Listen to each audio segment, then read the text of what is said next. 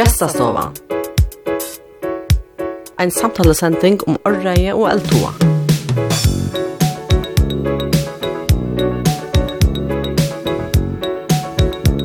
Dagsens gestor sier at hon og systranar er i ein tann minst indoktrinera i syskjena flokkron og i lantonon.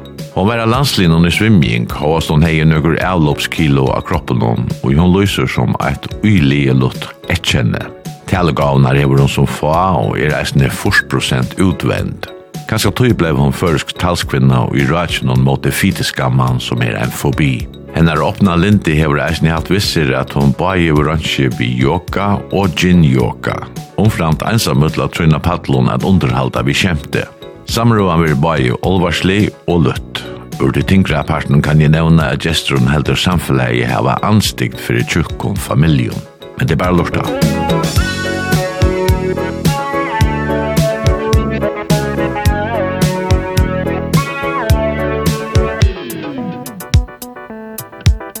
God dag og velkommen i gestastående her. Og Elisa Wang er gestor. Velkommen, Elisa. Takk for det.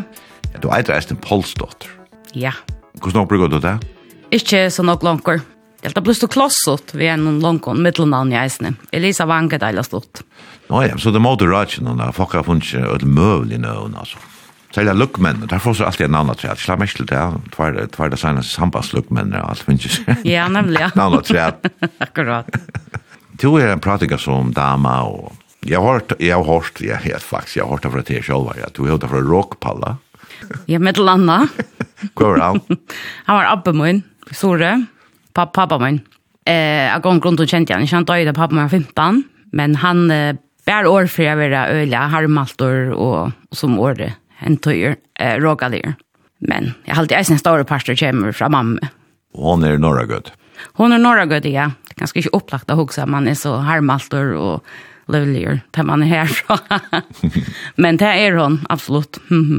ja, og det er noe som tar så med på meg, Vilja. Fettshaming, eller fytte skamman, til over talskvinna for det, og så er det eisen skjemt, barte ut, stand-up, komik, og andre rom, yoga, og gin-yoga, og Førere, Torshavn, København og grann okka prate om. Yes. Et det er fytiska mann. Hvordan begynner jeg det? Ja, hvordan byrja jeg det? Eh, faktisk snakker så banalt som Instagram faktisk. Jeg byrja fylja, eller dette og imskjør, om ims oppslø, om anti-fat-shaming, altså anti-fytiska mann, og eh, nå sa jeg plutselig jeg var kvinner som, særlig kvinner, som, som får jeg posta mynter av seg og... Eh, Eh, det kan ikke hvordan ser ut.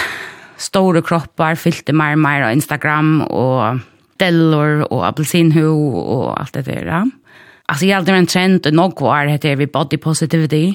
Men då ska man bara lugga och kunna sexualiseras på en kramata. Alltså att vet, män vill ha kurvar och allt det där. Och vet, så, men så ska man lugga väl Ja, och den är tog glasfiguren och sånt där. Men det som jag så begynte, jag såg mer och mer till det hade eisnet var ett smälar rumpe, stora bok och luttla boppor. Alltså att det man ju eisnet kunde normaliseras. Det är något som så ser ut. Jag begynte att internalisera det, få det mer och mer någon trona och det gav väl någon mening för mig. Det gav inte mening för mig att packa avskroppar tramflan och väck. Men är skulle framhävas och, och så om det här blir jag eisnet på som du nämner på yoga som snur sig eller något man får in alltså att märka kroppen och allt det här och tog sig okej okay, alltså min kropp är faktiskt otrolig vi alla såna massa och prakt eh uh, ja alltså ja yeah. ett tillvit om um, om uh, att kroppar skulle hejras lika mycket och så ut bara där fogen från alla bara där rikka ja Og och hur ser helt det gengur? jag vet ikke, jag halte ikke inte det som nog hänt Etla, Ikke drastisk, men... At det er hukkbordsprøyting du er ute etter det? Ja, ja, 100 prosent. Og som også vi snakket om Aron, så er det ikke en, en hukkbordsprøyting som henter i nått. Og hun henter helt ikke vi at dere venter blindt eier til. Det er den tjukke kroppen og vel en stigmatisere over, og i nok, nok, altså hundrevis av Aron. Og um, ikke før enn å begynne å sudja en tjukke kropp ut i, ut i allmenna, altså, du vet, og av milden, sosial milden, verdig normalisere. Jeg minns en først kjenta som jeg kjente ta i 90 og hun elsker araber, sier Hun er hittar i København. Hun er atlas nyrat, og jeg tar elsker jeg tjukka kvinner. Ok, ja. ja. Hun var sin dør. Ja. Hyggelig. Hun, ja. Ja. Og ikke du jo så godt ut og alle allega. Man, altså, det er ikke øyla nok hva som er innanfra. Jeg har aldri sommer kvinner, ja, Alltså så många som är förklänar, det kommer så öle lentiga ut. Och så många som är stora till till utstråla ett land. Ja, men jag har en utstrålning som viskar öle. Mhm. Mm jag var inte inviterande eller eller blush blush eller också där. Mhm. Glädje på en annan mat. Ja, absolut. Det är ju Olsson och som tjockfolk och Olsson och som glönfolk och Man kallar det jo sjálf to er? Jeg er, uh, nå er tidspunkt er jeg tjukk, vil jeg sagt. Og det har jeg eisne allmenn virkjent, og nest siste kvinne blant noen. Eh, ikke før man tår å se det av året da, og virkjenne det, helt jeg. Eller annet, men se det så er sånn at vi er ferdig fram og ut og snakke om i stingene, er eisne, altså det terapeutisk for de som leser det, og som kanskje har en kropp som var ikke fra normen noen, men det er eisne sannlig terapeutisk for meg. Og ju vi vi känner at jeg er tjukk, men jeg er stadig god nok som jeg er. Altså, jeg har noe bjå på for det og du vet det. jeg har noen ska vankra eller något. er viktig, og jeg ser prosessene vi hopporsbredningen. Vi känner inte. Ikke, jeg minns godt det forskning, jeg vet ikke om det er så populært nå, ta, ta vi jeg måte i bløvene, at kvinner skulle være så, jeg tror det var så flæta som mulig, at det skulle nesten ikke bråst her, at det skulle bare være, at det var noe som måten, altså. Ja, og hos klikk er det ikke att det måte ska komma in några så grunnleggende som kroppar. Alltså, och det er født att kroppen som jeg var och vi sen ska bröjta så betyr det inngrep om det så är oralt eller om det så är vi um, kirurgi eller kvärt alltså då du syns simpelthen komme vekk från som fokus nå, av kroppen. Jeg minns en avvåta så at det var, att det var det det var samkjente menn som skapte det här motan att det skulle just månen. Ja. Men jeg vet ikke vad det passar. Men nästan tvigg i ta ser så som en smart dronkor där. Och Man har ingen chans alltså. Man har ingen chans att fylla vi. Det är väl som som och lätta ekonomiska av filmen. Ja. Absolut. Och det har öliga makt. Och men ich men det det är löja man säger att en en men ser mer än tusen år. Akkurat. Men vad gör så? Ja, vad gör så? Alltså först Ja, jag har sagt det ja, alltså man tycker jeg man advokerer för vita, alltså att det at man vil ja stigmatisera en en bolk. Men jeg hadde øyla viktig at dere færre fra fittskamman. og ta jag bare vi opplysning og exponering. Og ta man flyr i kampen, altså det er helt forferdelig ensamt. Alltså att jag ska vara krona som anti-fatshaming drottning i färgen är fullständigt ladlott. Det här är alltså en generation yngre än jag. Alltså det här allmän vitan till Taimon och en självfylja. Och hvis du får bara ut de landåttarna, alltså det kommer öla nog långt. Och tar jag ikke særlig aktivistisk. Men, men det vil jeg se som i färgen tog att man tar blei från munnen. Och man har en plattform att se då. Och jag hade yngst att og samsynt. gjør det samma Alltså när det här man i halt det kvar tvärla trutcher och ha fällskaper som arbetar alltså en är fed front och en är det turkisk befrielses eh, eller klart.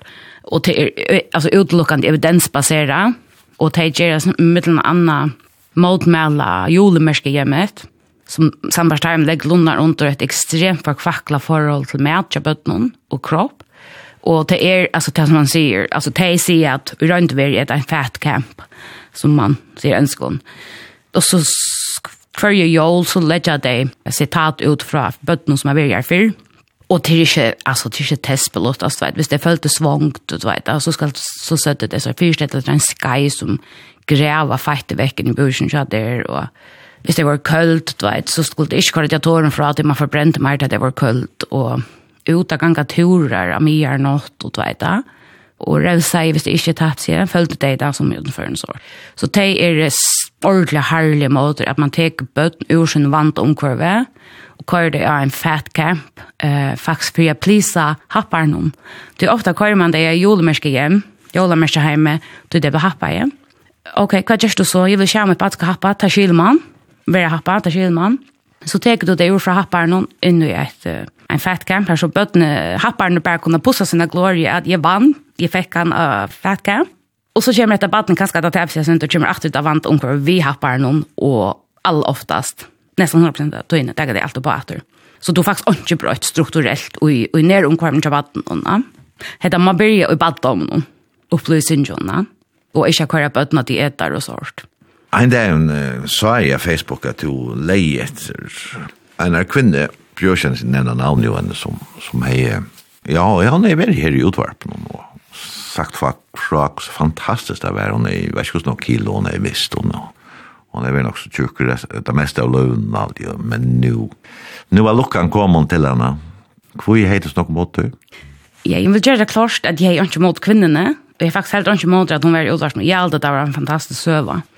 Jeg har vi Her vi måter at tog uh, innslø her, altså noe, fytlas noe i public service stånden og jokon. Uh, tog det er moraliserande och hva skal man säga samröna var gjorda utifrån en premiss om att öll per definition vilja vara klön och så inte vilja att det också galvet dem om. här man och i kroppspåse vi rörelsen mer vill färra väck från fokusen av kropp och fokusen av form och massa kroppsmasse og sånt. Eh så jag håller absolut att sån innsløp bara vi lojka halta kormentene som er øyelig gyftig og skeilig, og vi løyker helt og det som man kallar for ja, fidofobi, altså anstikt for det tjukka kroppen. Henne. Ja, så gir det ikke motor kvinnerne i behøver det seg, og jeg hadde faktisk hun tog øyelig vel at svære for og jeg hadde hun tog øyelig nok virlott, nevnt øyelig nok virlott, så som jeg, nemlig at, at kroppar skulle hava minne rumt, så ikke fytlas nok, og og til at hun gjør det av helselig og av en sort, og det kan jeg bare respektere. Det er mer premissen om at, at såret uh, fytles og nok. Helst det er det synder, synder, ja, det virker ikke akkurat som, det er også om det som ødel fyteskam og ødel døma til man feiter, og til sier or anstig, men det er ikke helt alle sannleisene. Jeg kjenner hvordan jeg akkurat som, jeg kan nevne et døm, han uh, var gift ved en kone, som var nok så bro, som ble han skilter, og så växer en att säga og hun skulle sitta någorlunda att det samme ut. Da.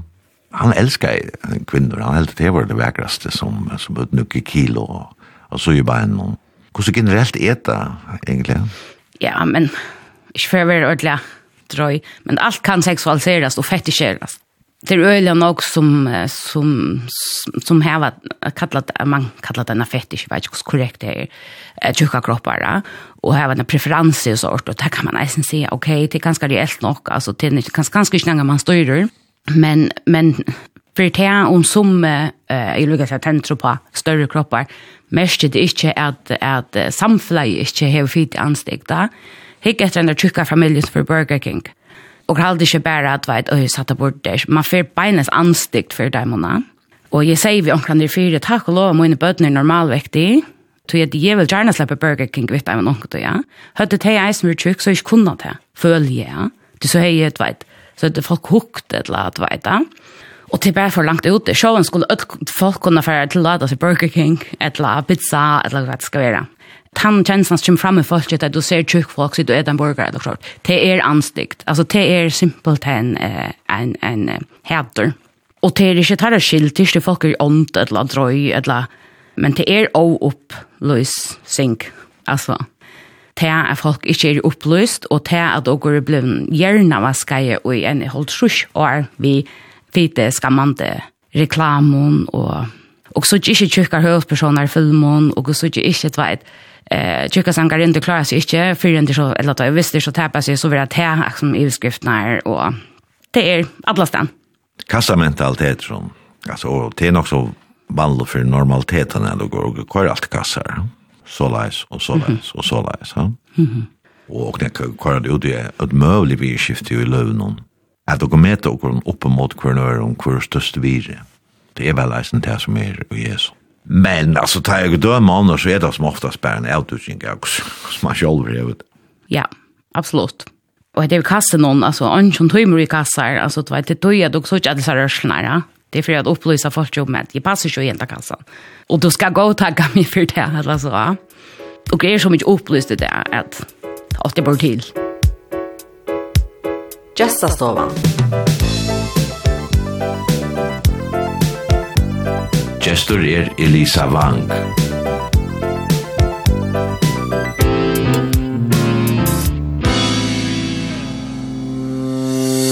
Anna som du har tidsvitt her, humor og yoga, jeg nevner humor først. Men ta ta halt i erfaring er humor. jeg har själv mun problem för det inne og at humor hjelper det veldig vel på at man lærer flennet sig själv. Mm. Men då ska man ha några runt man ska ha lyssna några böcker eller också, eller få eja det på en annan mat där snäll. Frater kanske. Jag får blanda det upp i det ger löve alltså och det är nog lättare. Ja. Jag var inte till till jag men så stund att du var till stand up. Bast ut stand up comedy. Vad gör du här? Ja, alltså jag har en en stand up framförsle.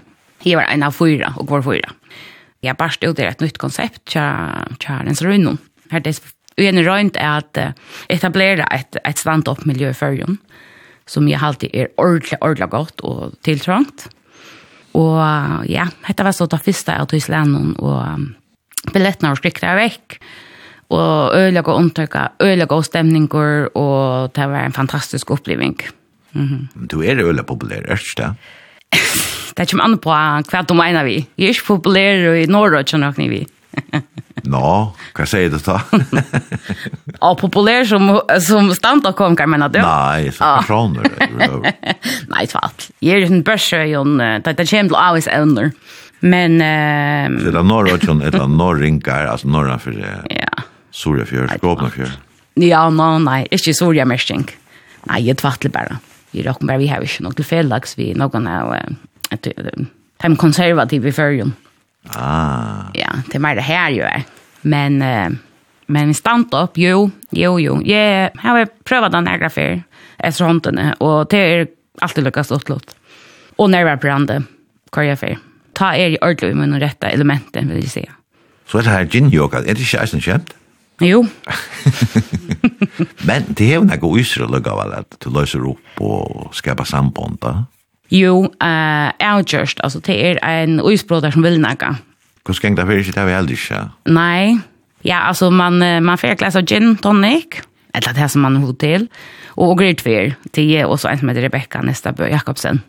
Og så en av oss underviser, og, og henne tenker mynter og skontjer og sånt. Og så, så gjør man yoga, og så skal man røyne og drekke gin med man stender en yoga-stending og sånt. Og ja, som sagt, det er akkurat ekstremt uh, uisbrådande vi tog at til dømes at du ligger av gulven noen vidt noen kanskje kollegon, og ta et gleivar og helt oppe på noen, og altså, du vet da. Det rikker øyla vel som en sort, sort uh, jeg byrja bare vi til dømes. Hva er det? Det er visst nok omkring sen i verden enn hevrets, men det er jo vunjoga til dømes. Uh, og snakka jeg om vunjoga, dette var i korona-lockdown nummer 1, ordentlig Och så sa jag, och i ånden när folk stötte revor ner nyra kläder och måtter, Och, och så sa jag, det är faktiskt en vidkänd form för yoga som äter yin-yoga. Och um, så tänkte jag, men det är ordaspel. Så det blev yin-yoga. Yin och gler. Nej, ljus och yin och gler. ljus och yin och gler, ja. det fungerar uppenbart. Men det är alltså ett annat yoga, antarum yoga. Ja. Och det är mer seriöst, va? Ja, alltså det är, jag vill säga, alkoholfritt. Jeg gjør bare ikke noe vitt akkurat nå. Jeg får jo holdt vitt det å ta, ta i heis ikke, men jeg gjør arbeidsmessig, og ta i les og sånt. Det passer veldig inn ta. Men nå er jeg bøyer vi fullt gjør starve, og med meg er arbeid utdannelse og sånt. Så jeg har faktisk ikke tog jeg får vitt akkurat nå. Men jeg har sagt det. Ja, du arbeider for arbeiderfellet. Ja. Samskifte. Ja. Hvor er det? Altså, du, du kommer nok så konservativ og familie, gjør du ikke det? Nei. att pappa var sånn konservativ, var en folkaflocksmöver. Men uh, jag pekar sig att ågra var det minst indoktrinera i bøttene i närgrant nu till att fyra syskjøn, eller fyra systrar, och ønsker ögon kan ju nog röpa här är folkaflocksfolk. Så är det en, en pappa batja som ställer upp för sambandsflock. Ja. Det var heldig ikke den veien. Nej.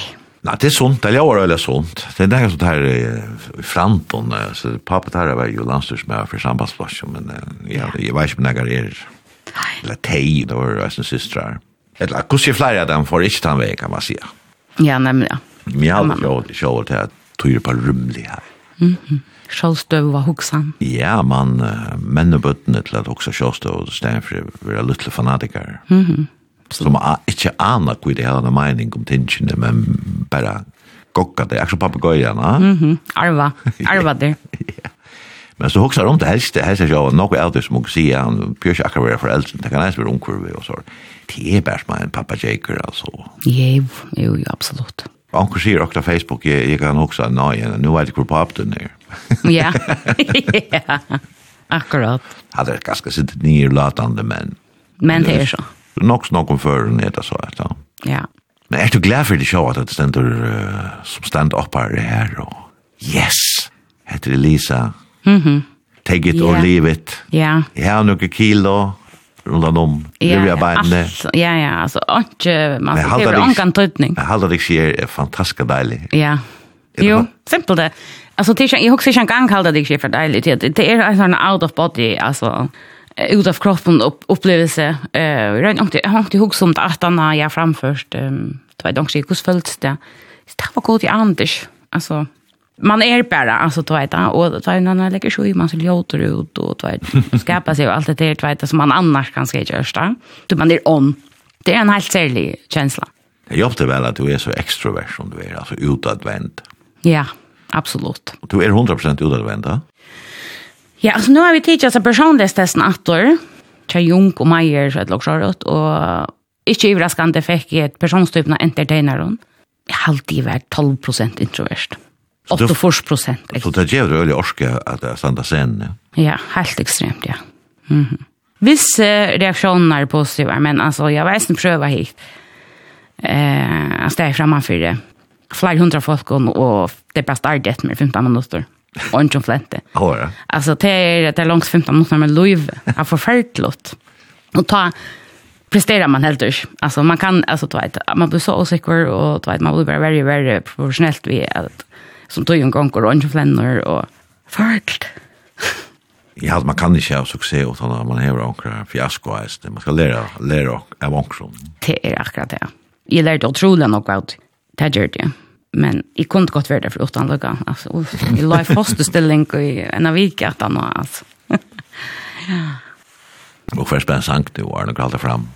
Det var Tina Turner. Proud Mary. Yes. Vi vil ta honom. Jeg vet at er bare av en lærer snedig årsøk, men ikke sanker halvdige.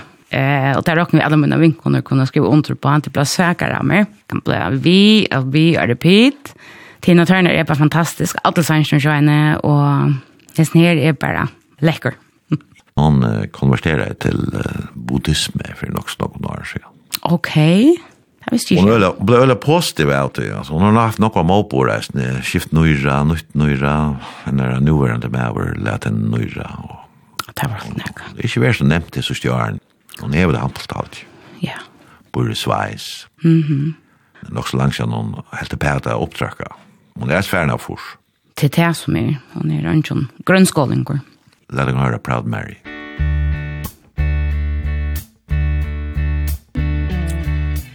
left a good job down in the city. working for the man every night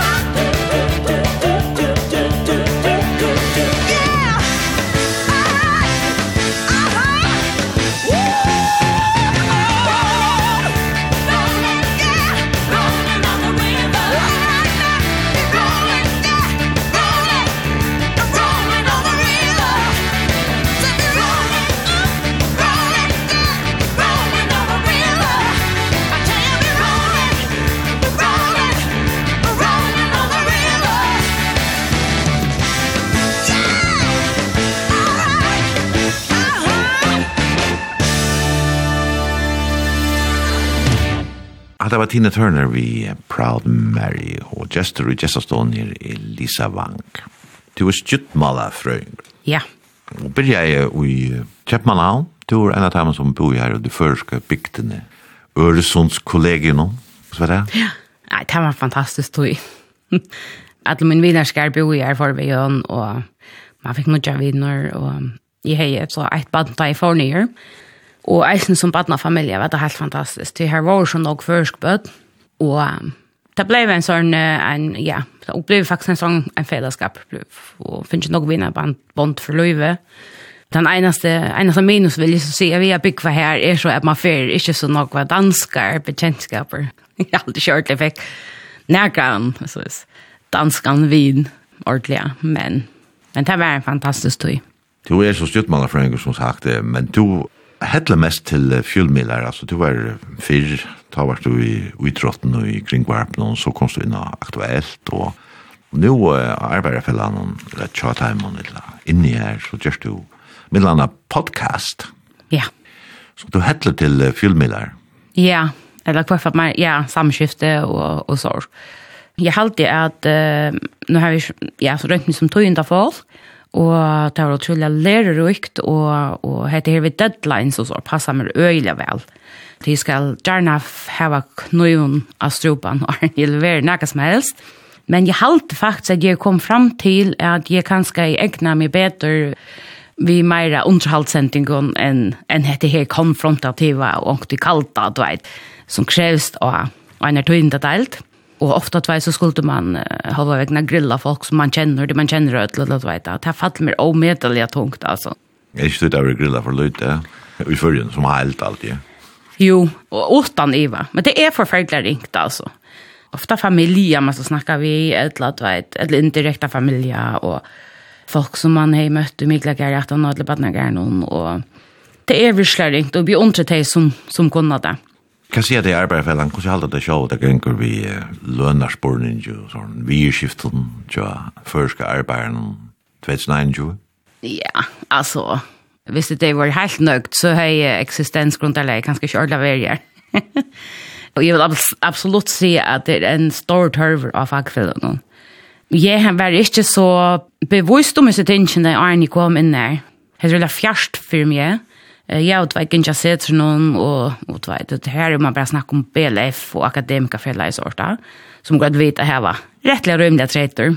Och så kommer man in här och det er som att bara skåten efter jag vet inte när alltså nok var det som uh, treten det liv under. Till dømes här är at du ikke kan få fasta løn, och alltså för sår som åker med det är också grundläggande i det. Så här är det här är långt av allt det jag har over, offer finnes utrolig nog å gjøre noen Men det er eisen langt av mål. Ja, ja, høgtur av er nu. Koster, det kostar en rikvi for en arbeid. Øyla nok. Jeg tås deg et år, det var fyrre år i halvtid. Jeg la vet at nu gengur tøyen så sjått. Det kan godt være det var tølje fyr. Tås deg en mann oppe, jeg satt og at oppe i FK, og man kom og prate om løn og sånt, og han sier at han og konan, hon var eisen arbeidsfolk. At det hadde jo en chans at uh, sette bygg i havn, bygges hus, og det ble endurere, så jeg tar. Akkurat. Akkurat. Så det er mødvendig bare til Surjar. Ja, altså, det, ja, ja, altså, det, det er helt absurd å huske om at vi folk som arbeider fotlatøy og du vet det, gjøre sina plikt, samfunnsplikt og alt, ikke skulle kunne sette bygg, altså, det er for det så. Du kommer jo en fagfellesbygd, kan man si, at for fylking og fiskepenis fagforening. Mm -hmm. Forskvinna i fiskepenis fagforening, hun er et familievitt, sundrig. Og hun er nevnt henne for arbeiderfella. Ja, ja Du vaks opp bant vi uh, forbåsvullen at vare ja, semmøyre. Mhm. Hvordan var det? Det var fantastiskt. Alltså jag har haft en helt fantastisk band om. Stor deilig hus og stor deilig have og som sagt, forbåsvullen at bantsynere av og jeg inte intresserad meg for fotboll, men, men den stemningen som var såna det var helt særlig, altså.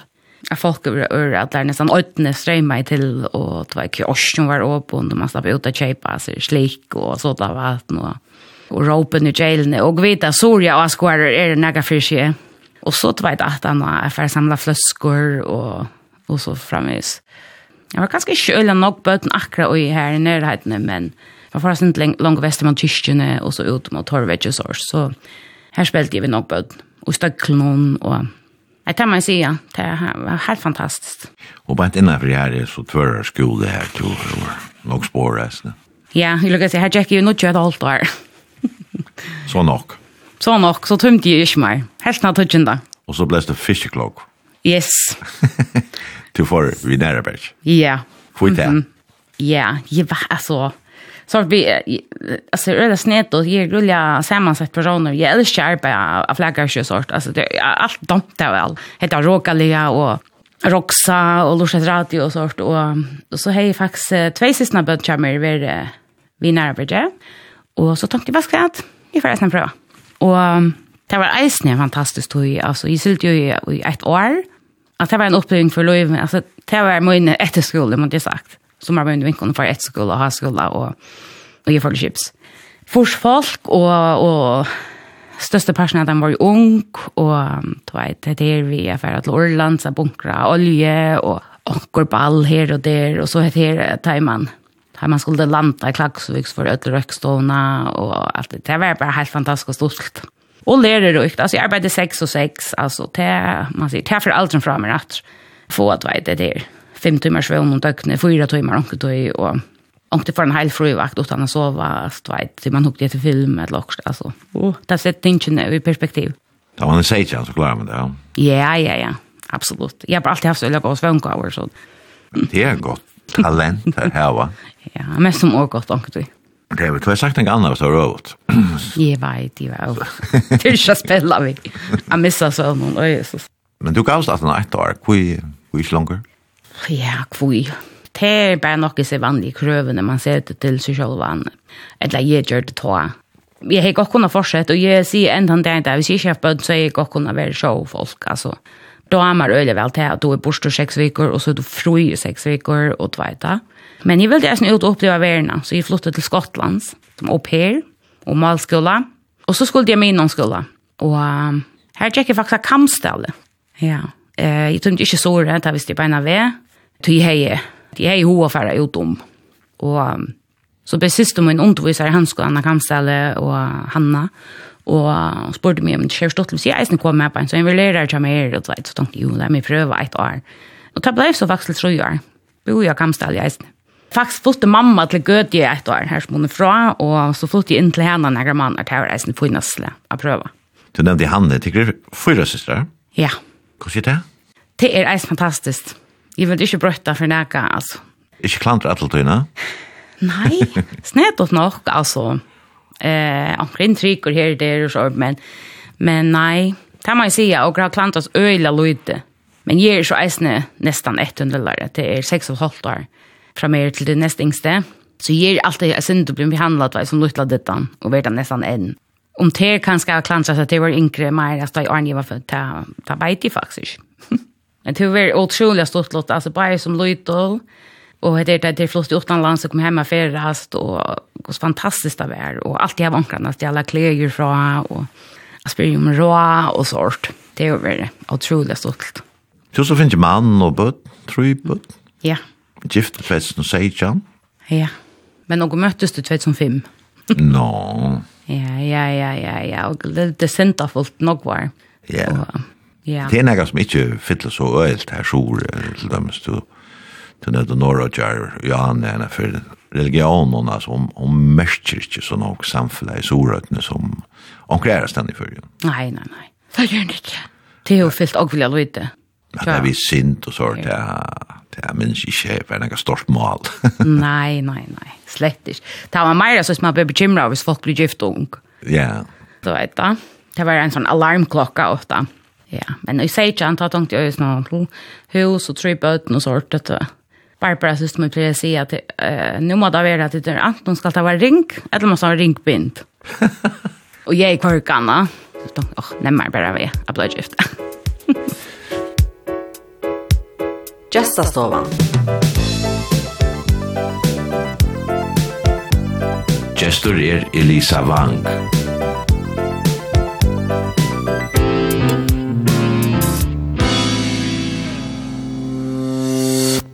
börjar vi se fysiska mansarm. Alltså är Louis fantastiskt lika mycket alltså. Louis lär och hon bara släppa ett lån. Att det är man stigmatiserar ganska mera sommarsaftlaspåkar än en ärar. Men ut här var ett eller annat bergas för. Mm -hmm. Jag också om det här andra om Jakob. Det är just till att släppa sådana. Släpp. Mm -hmm. Det är så gott ut. Är det inte gott nog? eh, jo, eh, absolut. Troblasjen er bare at det er ikke bare mer eh, det skal arbeides vi, altså hvis, hvis man til døgns tøser om, om eh, fritskammene. Eh, altså jeg kan ikke ta et, jo, for det meste kan jeg kjøpe klær i sms, men det er øyelig ofte at jeg ikke kan tog at, og tar jeg ikke jävla stor. Men alltså du vet, alltså boxer så och möjligt att köpa alltså du vet. En en samfällsblock inte kan färdas största shoppingcenter i förjon och kunna köpa sig kläder och så där och så. Att det är en form för stigmatisering som alltså jag vet att nu folk som inte kunna se det flickra sätts runt eller kaféstolen och du vet. Så kan man säga ja men som om det bara täppas ju som det är personligt. Och jag har ju även skrivit om det på Facebook att att att, att, att, att folkhälsra i huvudet. Jag sagt att 50 kvar för en går. Ja?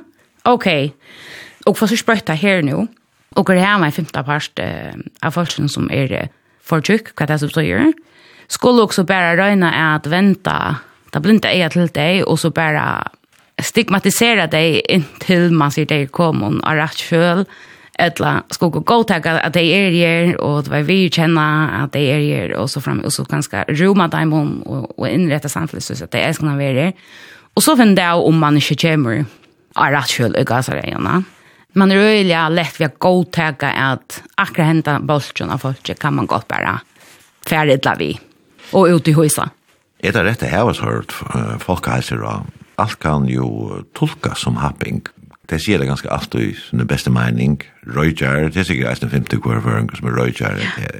Det er det jeg grevar bakkan om, og Det som jeg har noen kilo mer enn mye alt, det lukker vi diabetes 2 og sver og forskjellig sort.